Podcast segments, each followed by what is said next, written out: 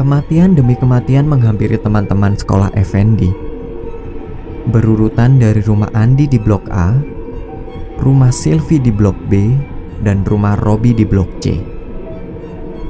Demi menyelamatkan diri, Effendi memutuskan untuk tinggal di rumah Rudi di blok E. Sesampainya di sana, Rudi tampak ceria sekali Sepertinya dia senang karena hari ini dia tidak lagi sendirian setelah kematian beberapa anggota keluarganya dan temannya. Kejadian ini sangat aneh, Ruth. Banyak yang bilang perumahan ini terkutuk. Kata Effendi saat makan malam berdua di rumah Rudi. Sambil mengaduk segelas susu, Rudi menjawab, "Jangan khawatir, pembunuh itu akan berhenti setelah ini." Kok bisa, Ruth? Sahut Effendi lugas sambil merasakan ngantuk setelah meminum susu yang dibuatkan Rudi tadi.